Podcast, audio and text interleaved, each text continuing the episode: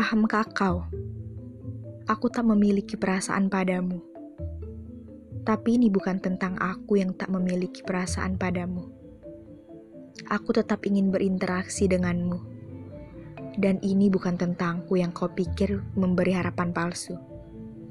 Bisakah kau keluar dari kepalamu, dari perasaanmu, dari suara-suara dalam pikiranmu sendiri, dan mulai melihat situasi dari sisiku?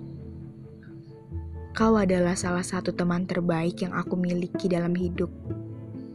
Dan kau tahu persis, aku sangat pemilih dalam berteman. Dan kau tiba-tiba memiliki perasaan padaku.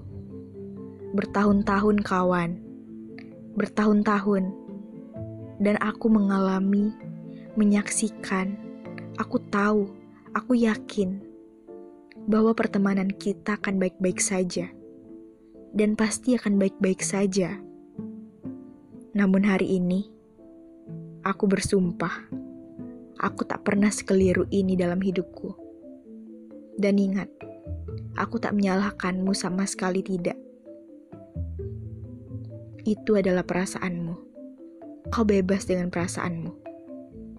Tapi aku pun bebas dengan perasaanku. Bahwa aku terkejut, sangat terkejut.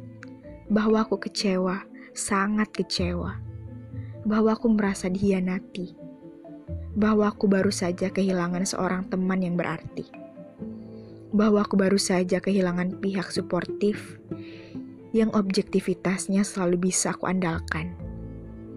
Jadi jika kau pikir kau adalah korban atau pihak yang paling tersakiti, oh kawan, aku rasa hal itu terlalu berdasar pada egomu sendiri.